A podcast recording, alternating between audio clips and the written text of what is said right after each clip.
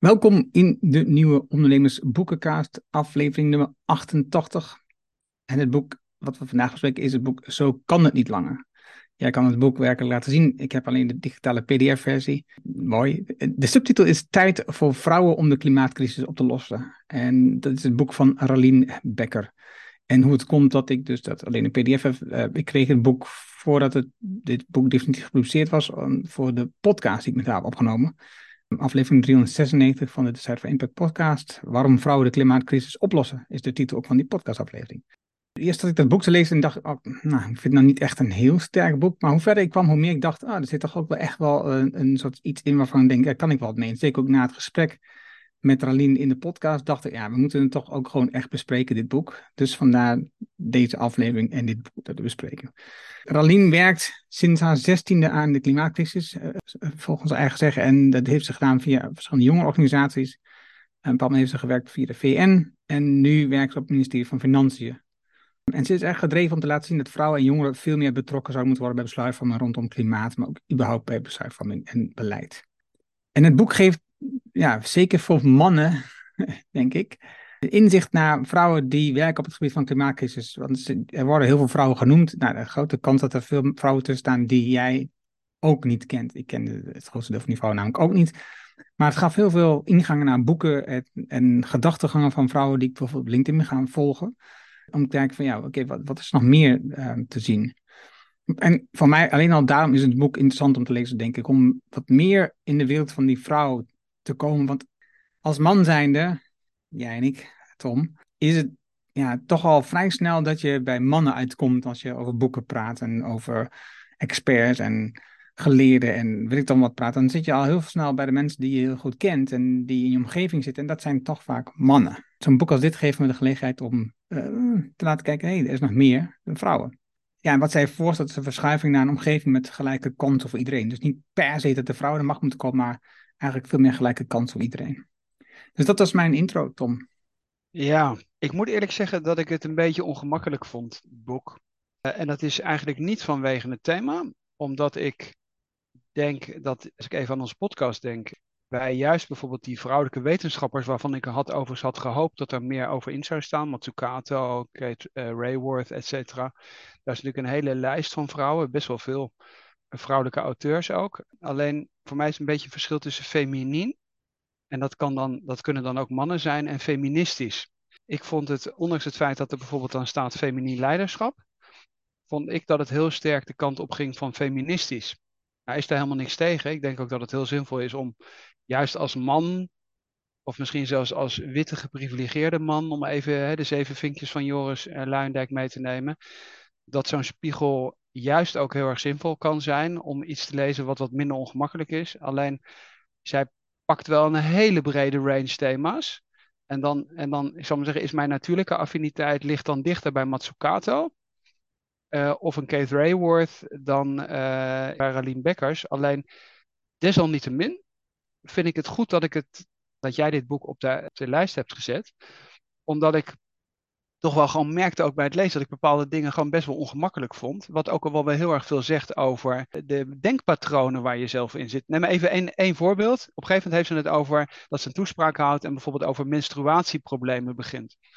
Dan denk ik, oh, een beetje ongemakkelijk thema voor mij. Ik weet dat dat natuurlijk de cyclus een hele belangrijke rol speelt voor ook het functioneren in een zakelijke omgeving. Het is natuurlijk een beetje een taboe thema. En dan vrouwen zullen het onder elkaar met daarover hebben. Alleen ik als man zijnde merk, vind ik een ongemakkelijk thema.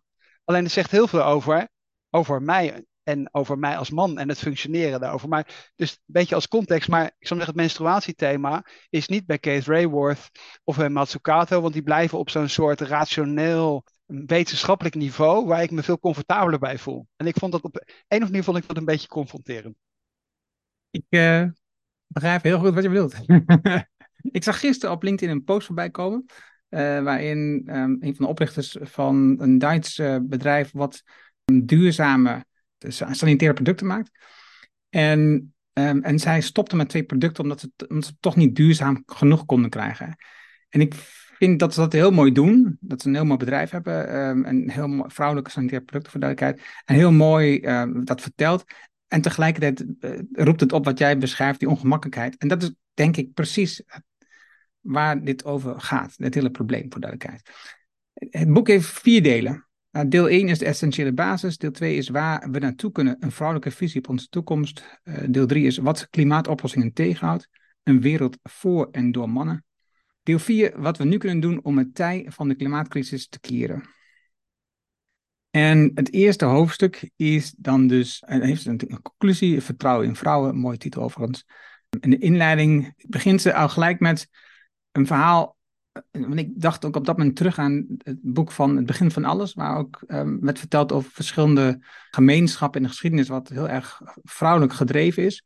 En zij vertelt hier over de um, samenleving op de Marshall-eilanden, um, waar een hele materiale omgeving is, een hele uh, samenleving. En die eilanden dreigen dus te verdwijnen, te zinken, Eigenlijk stijgt de zeespiegel, voor duidelijkheid, door de klimaatcrisis. Dus waar zij zelf eigenlijk niets aan kunnen doen. Ja, ze doen wel heel veel dingen op het eiland om daar uh, aandacht aan te schenken voor hunzelf, om uh, energie-neutraal te werken, met zonenergie te Alleen, de, de zeespiegel stijgt niet door de dingen die zij doen op het eiland. De zeespiegel stijgt door wat wij doen in de westerse maatschappij. En dus dat is denk ik gelijk het hele issue. En dus vrouwen kunnen wel dit soort dingen ondernemen als het grootste deel nog wordt gereageerd door allerlei uh, mensen die gedreven zijn door ego en meer en meer en meer, gaan nog steeds die eilanden, als ter illustratie, ten onder.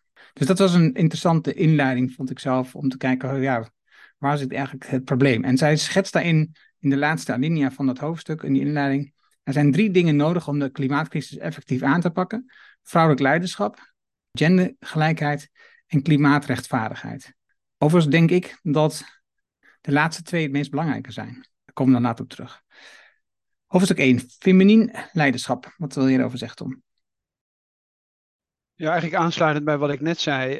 Um, ik onderschrijf dat wat ze allemaal wat ze zegt. Alleen ik denk dat voor de acceptatie en het draagvlak het zinvol zou zijn om feminien niet als vrouwelijk te definiëren. Dat zegt ze weliswaar uh, tussendoor, maar maar als je dat boek dan leest, dan, dan wordt het, vind ik toch vooral feministisch. Dus voor mij is feministisch puur vrouwelijk. En feminien is dat een man ook feminien gedrag heeft. Dus we zijn juist als je het over, juist als je zegt van we hebben het over gendergelijkheid, dan weten we dat we eigenlijk alles in ons hebben. En dat de vraag afhankelijk van de constellatie is: heb ik meer feminien gedrag of heb ik meer masculien gedrag? En dan zou ik feminien leiderschap dan toch eigenlijk genderneutraal definiëren. Dus dat is even mijn, mijn mening daarover. Ik begrijp wel wat ze bedoelt. Dan hoef je, als je het over politieke leiders bijvoorbeeld hebt, dan zou ik onmiddellijk onderschrijven dat uh, Arden in uh, Nieuw-Zeeland en uh, IJsland, als het om equal pay en zo gaat, en Scandinavië, dat zijn in principe in onze boekenpodcast vaak de grote voorbeelden waar, we het over hebben. Ten opzichte, van masculien leiderschap, hè, klassieke Amerikaanse president, uh, Franse president, Boris Johnson, et cetera, et cetera. Dus, en dan denk ik van ja, dan is het ook wel weer belangrijk om heel erg toegankelijk te blijven en dan, dan ook juist nog wat die uitnodiging uit te spreken en dan te zeggen van nee, dat is, wij kunnen eigenlijk allemaal feminine leiders zijn, ook als je man bent. Eh, zij heeft het over de vrouwelijke leiderschap. En dus het zijn een aantal kwaliteiten die ze noemt in dit hoofdstuk. Ja, daar, in, voor mijn optiek zit ze daar niet echt zozeer dat het per se vrouwen zijn moet zijn. Inclusie en empowerment, uh, zorgzaamheid en compassie, ruimte voor emotie en intuïtie, verbinding en systeemdenken, bouwen op en voor generaties. En dan als laatste vrouwen en mensenrechten. Ik denk dat het voor veel mannen een boek zal zijn wat misschien net een brug te ver is, wat je al schetst. En voor veel vrouwen zou het een boek van herkenning zijn. En ik denk tegelijkertijd dat als ik naar mijn eigen podcast kijk, ik heb nu gekozen om de voorrang te verlenen aan vrouwen zoveel mogelijk in te interviewen. Omdat ik al denk dat de, mannelijke kant, of, nou, of dat nou de man is of het masculine um, eigenschap, dat die al voldoende aandacht heeft gegeven. Want die staan namelijk al vanzelf vaak op de voorgrond met een ego. En, en dus, dus ik zou ook hier dat ook zo zien. dus ik zou ook hier het zo zien, en zo heb ik het vertaald, als zijnde dat het feministische nog steeds noodzakelijk is om ervoor te zorgen dat die vrouwen op de voorgrond kunnen treden. En dan komen ze op terug, maar zij bijvoorbeeld noemen dat dus Nobelprijs voor de econoom was in 1917 geloof ik of zo een vrouw en uh, pas in 1922 weer voor een vrouw. En daartussen was het altijd alleen maar mannen. Eh, om eens wat aan te geven. Oké, we gaan door naar gendergelijkheid. En gendergelijkheid um, gaat veelal over mensenrechten, eigenlijk, als je er goed naar kijkt. Maar doordat het dus, als je kijkt dat in, op de, punten die ze noemt, worden vaak vrouwen uh, komen in de grootste problemen door wat er gebeurt. Zij noemt bijvoorbeeld de klimaatramp in Pakistan in 2022, dus vorig jaar. Um, daar was een enorm grote overstroming.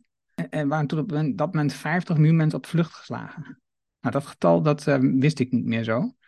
50 miljoen, dat is gewoon uh, drie keer Nederland, voor duidelijkheid.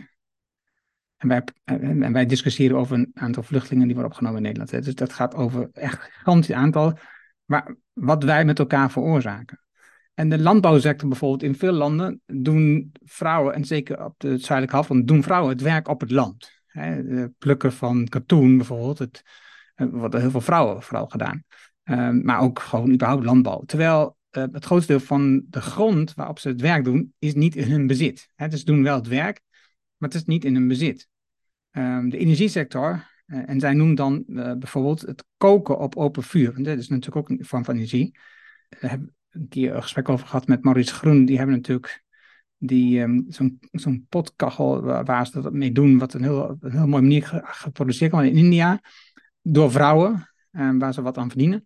Plus het zorgt ervoor dat um, veel minder van die stoffen vrijkomen, uh, gassen, maar ook uh, koolstof en dat soort dingen, tijdens het koken op dat open vuur in, in, in kacheltjes. Want die worden vooral ingeademd door vrouwen en kinderen, die namelijk op dat moment overdag in die hutjes zijn. De transportsector noemen ze, nou, ik heb eerder gesprek gehad met Katja Diel over autocorrectuur. In Duitsland, en niet alleen in Duitsland, maar ook in Europa, zie je dat de constructie eigenlijk van onze samenleving zo is dat het heel logisch is dat je een auto nodig hebt. Omdat de, uh, de steden zo verstrengeld zijn en bedrijven op drijvertreinen werken ver weg. En dan heb je dus eigenlijk vaak een auto nodig. En als je niet een auto hebt, je een OV, dan voelen vrouwen zich ook vaak onveilig. En als man begrijp ik dat niet, omdat ik dat totaal niet ervaar wat zij ervaren. Nou, dan hebben we dus natuurlijk die sanitaire voorzieningen. Daar zijn we, je noemt dat, dus wat ongemakkelijk, maar daar zijn we ook totaal niet bezig als man. Maar als we bijvoorbeeld die 50 miljoen mensen vluchten voor het water, dan hebben we ook daarmee te maken met die sanitaire voorziening voor die vrouwen, dat je dus, ja, dat je daar moet denken. Daar denken wij niet eens over na. Nou en plus, uh, je ziet het bij veel, veel meisjes die dus op het moment dat ze dus uh, de periode hebben, dat ze dus een tijd niet naar school gaan. En ze lopen dus bijvoorbeeld een leerachterstand achter, alleen maar voor het feit dat ze dus ongesteld zijn. Ja, dat zijn allemaal dingen die eigenlijk ontstaan omdat wij toch niet in een gendergelijke omgeving zitten, werken, wonen, leven. En voor ons twee witte 55 plus mannen, 50 plus mannen, sorry, is het toch wel ja, iets waar we helemaal waar we eigenlijk heel weinig mee bezig zijn, omdat het voor ons echt totaal niet van toepassing is. En dus wat dat betreft, over dit hoofdstuk, vond ik wel weer interessant om te lezen op dat vlak. Klimaatrechtvaardigheid. Uh, ja, ik zou vooral willen verwijzen naar de, ook naar de andere boeken die we hebben gedaan over, over klimaatrechtvaardigheid. Waar zelfs, uh, ik zit even na te denken welk boek dat was, was Jason Hickel. Die uitrekent in principe wat er totaal aan uitstoot is geweest. En dan is het natuurlijk een vooral een Noord-Zuid issue. Eh, best of times, worst of times, tolerance. Ik geloof dat Jason Nickel het ook uitgerekend had. Maar in principe, eh, dus het is een terugkerend thema ook in onze bespreking geweest. Dat je in principe zegt van ja, dat klimaatthema is ook een heel onfair thema. Omdat de landen die het meeste eronder lijden, het minste uitstoot. Zeker als je eh, kijkt sinds die uitstoot, uitstoot überhaupt ontstaan is, eigenlijk nauwelijks zelf iets hebben uitgestoten, maar wel onder de zeespiegel aan het verdwijnen zijn. En dat omgekeerd de landen die permanent de grootste footprint hebben, er relatief gezien het minste onder lijden. Dus als het bij ons een paar dagen warm is, dan zeggen we, oh, klimaatverandering. En dan zitten we op de kaart te kijken en dan zien we dat India en Pakistan of Bangladesh uh, gewoon overstroomd worden. Uh, en als bij ons dan 37 graden is, dan zeggen we, oh, dan uh, moeten we even snel naar het zwembad toe, want we moeten afkoelen. En dat is natuurlijk, eh, dat wordt eigenlijk steeds absurder. Uh, en daarom is het woord klimaatrechtvaardigheid wat dat betreft uh, een woord wat, wat de lading dekt. Het is heel erg onrechtvaardig. De manier waarop. En, en, dat zouden we ons meer moeten realiseren als we het over, over het hele, de hele klimaatcatastrofe hebben. Eens. Maar als je daarna daar verwijst, dan mag je ook gewoon vanaf de volgende meiden leiden de duurzame revolutie. Ja, misschien even voor, de, voor dat hele deel 2. Wat ik ook al even in de inleiding zei. We hebben het natuurlijk heel vaak over gehad dat de vrouwelijke politieke leiders hele grote stappen zetten en heel snel die stappen zetten. En dat je best kunt zeggen, oké, feminien leiderschap, zeker als we even politiek bijvoorbeeld nu nemen, is uiteindelijk gewoon veel effectiever, veel beter voor ons allen, overigens ook voor de mannen. Dus laten we snel, zo snel mogelijk meer vrouwen in de politiek de rol geven zoals het in Scandinavië, in IJsland, uh, in, in Nieuw-Zeeland gebeurd is. Dus even om, misschien een beetje kort door de bocht, maar ik denk dat iedereen zich daar wel wat over, onder kan voorstellen. Dus wat ik net even in inleiding al zei, als ik kan kiezen tussen, of bijna iedereen kan kiezen tussen Nieuw-Zeeland en Boris Johnson, nou dan weet ik het antwoord wel. Alleen dan is de vraag van ja, waarom kiezen wij dan in onze westerse landen masculine idioten, zou ik bijna willen zeggen, die de boel naar de knoppen helpen. Eh, zouden we niet meer moeten kijken naar, ja, hè, meiden leiden de duurzame revolutie, maar vrouwen bouwen een betere economie en sterkere samenwerkingen, omdat, en dan zijn we weer bij het feminien leiderschap, het feminien leiderschap in principe voor ons allen de betere oplossing is. Ik wil een paar namen toch even noemen, omdat ik ze opvallend vond in dit geheel een paar dingen die voorbij kwamen. Nou, Greta Thunberg kennen we allemaal natuurlijk wel. Maar ze had bijvoorbeeld Melati en Isabel Wijze, die op Indonesië ervoor gezorgd hebben dat de plastic tasjes verbannen worden. Xaya Bastida, die in Mexico bezig is met uh, gedachten van de oorspronkelijke volkeren uit Mexico terug te brengen. Vanessa Nakate uit Uganda, die een boek heeft A Bigger Picture, wat uh, allerlei vrouwen aan het woord laat over hoe het met de economie status is.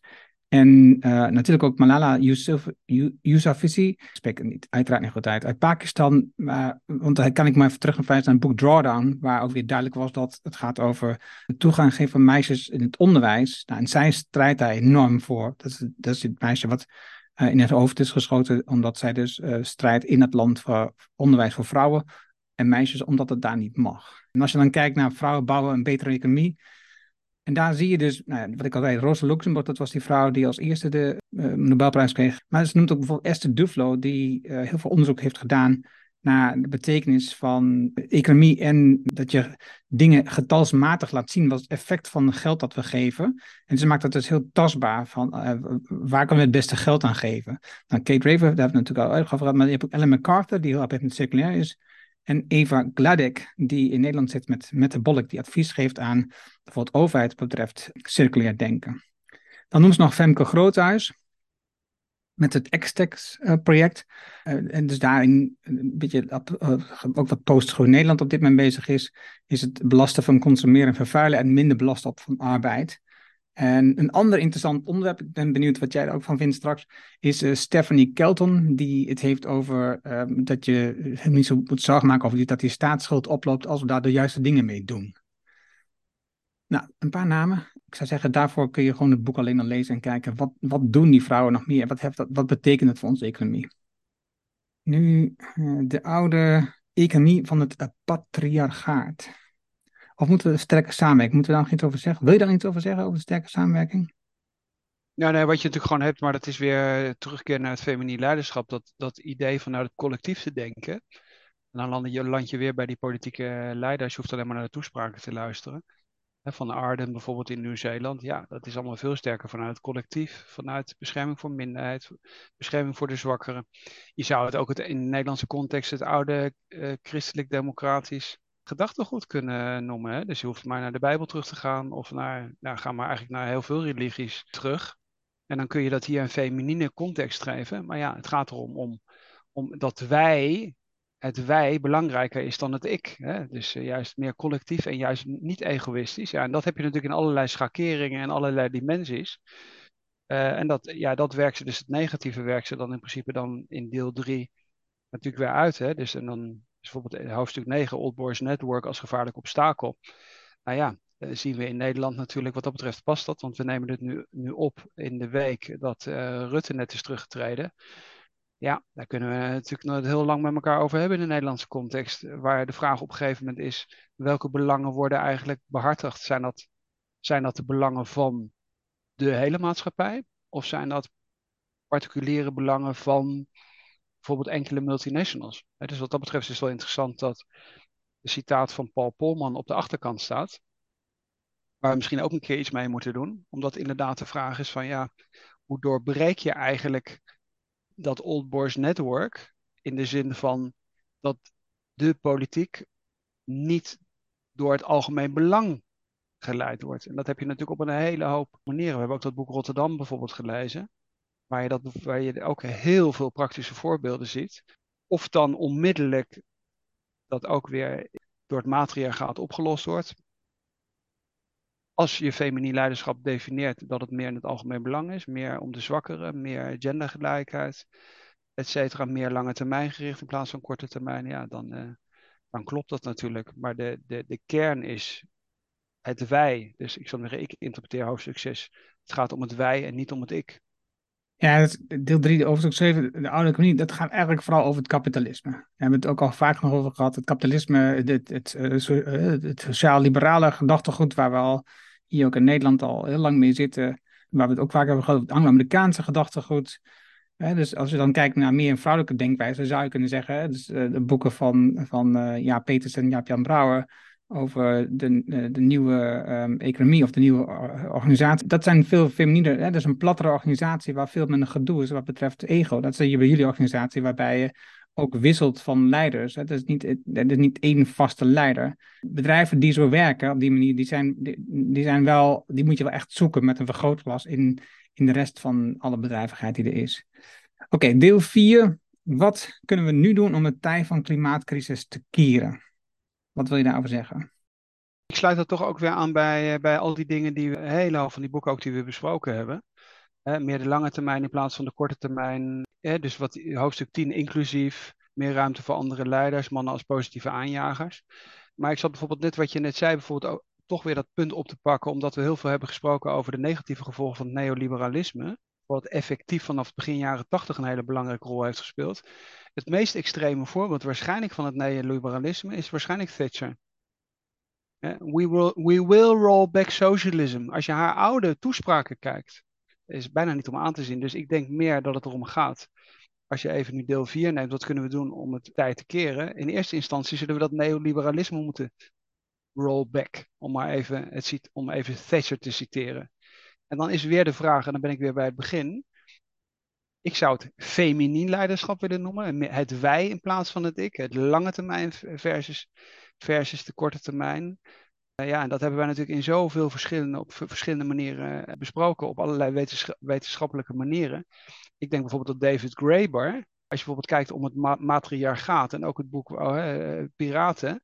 Wat over Madagaskar ging. Daar kwamen dat soort dingen ook allemaal naar voren. Alleen ik, ik, ik zou het juist bewust. Ik, denk dat dat als we meer zouden zeggen, het gaat meer om het wij.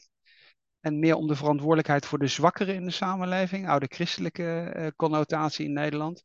Dat iedereen dat wel aanvoelt. Dat we enerzijds mensen aan het verliezen zijn omdat we de verantwoordelijkheid voor de zwakkeren niet nakomen. En dat dat overigens ook een, een heel erg groot populistisch gevaar is. Dus het is, wat mij betreft is dat toch wel breder dan matriarchaat in die zin. Ik denk dat wij, dat dat de meeste mensen op wel kunnen onderschrijven. Ik ben even benieuwd wat er nu gaat gebeuren in Nederland. Maar ik denk dat we in eerste instantie het neoliberalisme, dat we dat moeten terugrollen. En dat we dan kijken, oké, van hoe is onze wereld ten eerste leefbaar voor de komende generaties. Lange termijn denken, hoe kunnen we inclusief uh, voor iedereen een maatschappij zijn waar iedereen zich welkom en gewaardeerd voelt, et cetera. En dat, dat heeft natuurlijk heel veel heel veel uh, aspecten. En dat is wat mij betreft niet alleen maar een, een vrouwenthema. Dat is, dat is de, om even dat boek Rotterdam te nemen, dat is de, dat is de, de, de mannelijke minderheid die, die naar Nederland gekomen is en zich niet geïntegreerd voelt. En dan door social screening uh, x-maal gecontroleerd wordt, is net zo'n, vind ik net zo'n probleem. Hadden het er nog over. Het is nu, als je nu kijkt, de kans dat er meer vrouwelijke leiders komen van verschillende uh, politieke partijen, die, die wordt steeds Er zitten nu al een aantal politieke partijen in waar een vrouw een leider is, maar de kans dat bijvoorbeeld VVD, VVD nu een politiek leider, vrouwelijke leider krijgt, neemt ook toe. En dus ook zeker de grootste politieke partij op dit moment die waarschijnlijk aan de macht, die een goede kans maken dat zij uh, veel mensen zeg maar aan zullen trekken. er zit toch ook veel partijen bij waar de vrouw aan de macht is. Maar in ieder geval de vrouw aan aan de top staat, zeg maar. Dus, ehm, dus ik denk dat we wel een kans maken dat er meer feminien leiderschap komt in Nederland. En zeker nu Rutte heeft gezegd, ik stop er zelf mee. Ja, maar dat is nou juist dat punt waar ik wil aanhaken. Ik denk dat je beter, als je het over feminien leiderschap hebt, dan zou een man van de Partij voor de Dieren, denk ik, meer feminien leiderschap hebben dan als er een vrouw bij de VVD het voortouw neemt. En, en dat vind ik wat dat betreft is dat best een goed voorbeeld. Daarom noemde ik bijvoorbeeld net Thatcher. Dus ik denk dat. En ik denk dat je gelijk hebt, maar, het, het is het punt natuurlijk dat dat. Want is, er zullen waarschijnlijk nog steeds veel mensen op de VVD stemmen. Dat is mijn, is mijn gok. Mensen die, die willen vasthouden aan het bestaande, uh, aan het hoge inkomen wat ze hebben.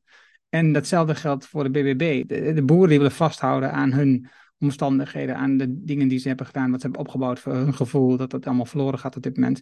Die, want ook daar zie je dus een veel masculien gedrag van de leider uh, bij de BBB. Veel mensen gaan waarschijnlijk wel op die twee partijen stemmen. Dus we hebben er straks wat mee van doen. Dus we, blijven daarnaast dus mensen houden bij de Partij van de Dieren. Die dus, wat aan zich natuurlijk een veel feminienere partij is. Um, die, moeten, die moeten gewoon ook veel meer aandacht krijgen. Maar misschien zullen we, kunnen compromis aangaan en zeggen: oké, het laatste hoofdstuk, hoofdstuk 12, mannen als positieve aanjagers. En het citaat van uh, Paul Polman, hè, die zegt overtuigend en constructief. Ik hoop dat veel mannen de moed hebben om dit boek te lezen. Ja, je zult het uiteindelijk samen moeten doen. Ja, en Paul Polman is denk ik zo'n feminien, een, leider met veel feminine eigenschappen. En uiteindelijk wordt hij dan toch weggezet um, in zo'n bedrijf door de aandeelhouders, die waarschijnlijk juist niet veel feminine eigenschappen in zich hebben, waar vooral het masculine gedrag, het kapitalistische gedrag in zit. dus daarom is het boek wat mij betreft ook belangrijk. Ook al kun je dan zeggen, ja, het is iets te veel aandacht voor de vrouw aan zich en niet per se de feminine kwaliteiten. Maar er is nog veel werk te verzetten voor we op dat niveau zijn dat we kunnen zeggen, ja, het gaat gewoon om man en vrouw en feminine kwaliteiten en het geldt voor iedereen. Want op dit moment mannen die feminine kwaliteiten hebben, die worden gewoon nog steeds weggezet. Dat klopt, dat ben ik met je eens. En dus wat dat betreft um, sluit ik af met het boek dat we vertrouwen moeten hebben in vrouwen die aan de top komen. Um, ook al gaat het niet altijd goed. We hebben ook in de Eerste Kamer dat gezien met de voorzitter van de Eerste Kamer die uiteindelijk toch vertrekt met gedoe. Allemaal lastig. De vrouw die in Finland uiteindelijk vertrekt met gedoe. Terwijl het onzin is over waar het uiteindelijk over gaat, wat mij betreft. Want de mannen die op die plek hebben vaak veel meer gedoe veroorzaakt dan die vrouw die dat heeft gedaan. En dan praten we alleen over een party, omdat zij 30 is, dat ze af en toe naar een feestje gaat en dat in beeld komt. Hou eens op, mensen, alsjeblieft. Dus um, voor mij een boek waarvan ik zeg, ja, heb de moed als man om het te lezen. Uh, ondanks je denkt, ja, het gaat wel echt heel veel over vrouwen nu. Ja, maar anders gaat het heel veel over de man. Dat is, uh, dat is de standaard in de wereld. Het klopt gewoon. Pak het eens op en kijk eens of je het naam herkent en kijk eens of je die vrouwen als je kijkt als mannen als positieve aanjagers, kijk welke vrouwen jij zou kunnen ondersteunen. En niet alleen je eigen partner of dochter. Dat is een goed begin, denk ik dan, als je een dochter hebt. Um, maar ook gewoon mensen om je heen in je organisaties met feminine leiderschappen. Zet iets op een plek waar zij meer invloed hebben, waar ze meer besluit kunnen nemen, waar ze meer hun achtergrond, hun achterban kunnen vertegenwoordigen. Zet iets op een plek waarvan je denkt, hey, frek, dat is niet eens een keer de old boos naar maar laat ik eens mensen nemen waarvan je niet verwacht dat ik die zou kiezen. Ja, ik denk vooral, juist omdat ik blijf toch even bij Polman nog hangen. Uh, waarom blijf ik nog even bij Polman hangen? Omdat voor, voor, mij, en dat is natuurlijk omdat ik staatkundige achtergrond heb, ik ben historicus, politieke wetenschap en zo gestudeerd. Wat ik elke keer weer zie is dat er zijn heel veel initiatieven, et cetera. Maar de vraag is van ja, hoe zijn ze eigenlijk bestendig? En de enige dingen die echt bestendig zijn, zijn vanuit mijn perspectief politieke, substantiële veranderingen die, ik zeg het even heel plat, in de grondwet worden vastgelegd. Dus neem bijvoorbeeld IJsland Equal Pay. Er zullen nog boekenkasten geschreven worden over onfaire betaling van vrouwen. En ik zeg elke keer in die discussie, of nou met Sofie, oh, van kijk naar IJsland. Waarom zijn we niet in staat, als sowieso de helft vrouw is, in een verkiezing dit op de agenda te zetten en dan voor één keer dat thema te beëindigen? Dat is waarom ik altijd denk van, ik zou wel graag een boek willen bespreken waar de substantiële veranderingen die door leiders als Arden in Nieuw-Zeeland en in Scandinavië, et cetera, zijn doorgevoerd, die ook niet weer teruggedraaid zijn. Omdat de voorbeelden van zo'n Paul Polman of ook Danone, et cetera, de goede man is misschien een hartstikke goede uh, leider en heeft de, juiste bedoelingen. Alleen daar is van wat hij ooit misschien bij Unilever uh, op de agenda heeft gezet, is, is weinig meer over vanuit mijn perspectief. En dan is de vraag, zouden we niet veel meer moeten focussen op die politieke veranderingen en eens een boek moeten bespreken van wat is er in Nieuw-Zeeland gebeurd en wat wordt niet meteen weer teruggedraaid? Wat is er in IJsland gebeurd en wat wordt niet meteen weer teruggedraaid? Wat is er in Scandinavië gebeurd, in Finland, et cetera? Wat, wat gebeurt daar? En wat trekt zo'n samenleving naar een hoger, duurzaam, inclusiever niveau? Waar niet de volgende regering de bol weer terugdraait. En zegt van nou, we hebben dat equal pay wel ingevoerd en in de grondwet verankerd. Maar in IJsland draaien we dat nu allemaal weer terug. Ik denk dat, dat, ik denk dat we daar misschien veel meer op moeten focussen. En dan zijn voorbeelden van individuen die iets weten te bewerkstelligen fantastisch. Kun je wat mij betreft ook de Nobelprijs krijgen. Als je in staat bent om in een land als Indonesië plastic helemaal uit te bannen, et cetera. Fantastisch. Alleen, ik zou zo graag meer institutionele verandering willen zien die niet teruggedraaid kan worden. Nou, dat was een mooie oproep voor een boek eh, wat je ons mag sturen. Of een tip voor een boek wat je ons mag sturen op dit onderwerp. Als jij boeken weet, mensen kent. Wij horen graag van jou. En eh, dan voor nu was dit hem. Uh, dankjewel voor het luisteren en graag tot de volgende aflevering. Dankjewel Tom. Dankjewel Janno.